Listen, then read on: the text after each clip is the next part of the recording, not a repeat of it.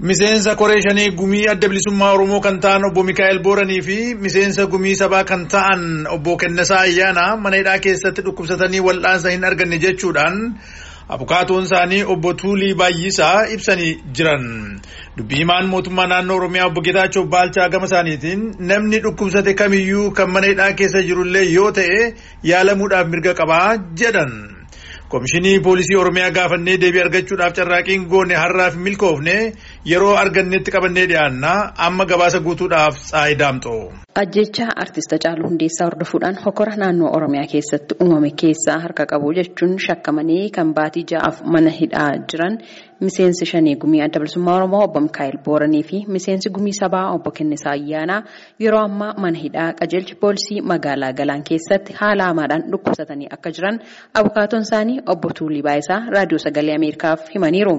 Obbo Mikaa'el Booranii fi Kennisaa Ayyaanaa baay'ee dhukkubsatanii jiru. Dhukkubni isaaniis Kennisaan yeroo dheeraadha kan isaan dhukkubsataa turan yeroo Komishinii Poolisii Oromiyaa siddis kiiloo turanis dhiibbaa dhiigaatii fi dhibee sukkaaraa sadarkaa olaanaarra kan jirurra ga'anii jiru. Miti Mikaa'el narviin na dhukkuba jedha. Lafeen dugdaas baay'ee dhukkubaati jira. Iji isaallee dhukkubaa jira. Kana hundaan dhukkuba keessa jiru namoonni kun lamaani. Obbo Mikaa'elii fi obbo Kennisaan mana murtii aanaa sulultaatti mirga wabii isaaniif eegamee fi maatiin qabsiisa mirga wabii qarshii kuma digdama digdama tokkoon tokkoon isaaniif kaffalanii haga har'a mana hidhaatii hin baane erga mana murtii mirgi wabii eegamee fi koomishiniin poolisii oromiyaa didee mana hidhaatti deebiseera. Mana murtiittis hin dhiyaanne haalli fayyaa isaanii ammoo yaaddessaadha jedhan obbo Tuuliin. Akka ijaan arginee fi akka isaan himatanitti garmalee garmalee lakkoofsa tokkoffaa irratti fayyaan isaa kan sodaa guddaa keessa jiru kan Kennisaa ayyaanaati. Yeroo dheeraadhaaf dhukkuba kana himachaati ture. Qoricha maleeti kan jiru, yaala maleeti kan jiru. Mikaa'el Booranis akkasuma dhukkubsateeti kan jiru. Fuulli isaanii qaamni isaanii namni dhaqee ilaale hubachuudhaaf homaa waan nama rakkisu miti. Garmalee fuulli isaanii miidhamee nama sodaachisa. Akka isaan itti jiran kana poolisiin achi jiru manomaa gochuu hin danda'udha kan jedhee magaalaa sanaa bahanii lafa yaalli guddaan jirutti yoo deeman malee namoonni kun fayyaa isaaniitiif sodaa guddaa jira. Dhukkuba isaanii kanaaf ammoo yaala argachaa jiran. Rakkoon guddaa nama rakkoo yaalaati. Mana murtiitti dhiyaachaa jiranii. Manni murtii haga lakkifaman erga jedheeti humna poolisiitiin hidhamanii jiru jechuudha. Dabalataan namoonni manni murtii mirga wabii eegee fi kan bilisaan gadi lakkise qondaaltonni siyaasaa adda bilisummaa Oromoo obbo Lammii Beenyaa fi Daawit Abdataa dabalatee namoonni biroo mana hidhaatti gaaffii tokko malee tursiifamaniiru jechuun abukaatoon isaanii obbo Tuulii Baayisaa dubbataniiru.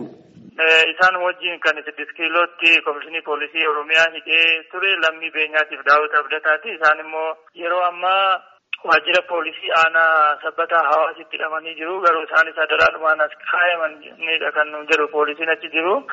Isaan shororkeessummaadhaan mana murtii waliigala Oromiyaa Daddachaa naannoo magaalaa sabbataa jiru irratti himatamanii turanii. Manni murtii waliigalaas qarshii kuma digdama digdama mirga wabii eegee fi mirga wabiitiin bahanii turanii poolisiin manuma murtii keessatti deebisee qabee hidhee beellama lamaan tokkorraa erga hambisee booda mana murtiitti dhiyeessee ragaan irratti dhaga'amee manni murtii waliigala Oromiyaa muddee kudha jaha bara kuma lamaaf kudha sadii yakki raawwatan hin jiru ragaan abbaa langaa kan namaas kan barreeffamaas wanti mirkaneessu hin jiru jedhee bilisaan akka gaggeeffaman ajaja yookaan murtii kennee ture haa ta'u malee hanga irraatti jaroonni kun hidhamaniituma jiru.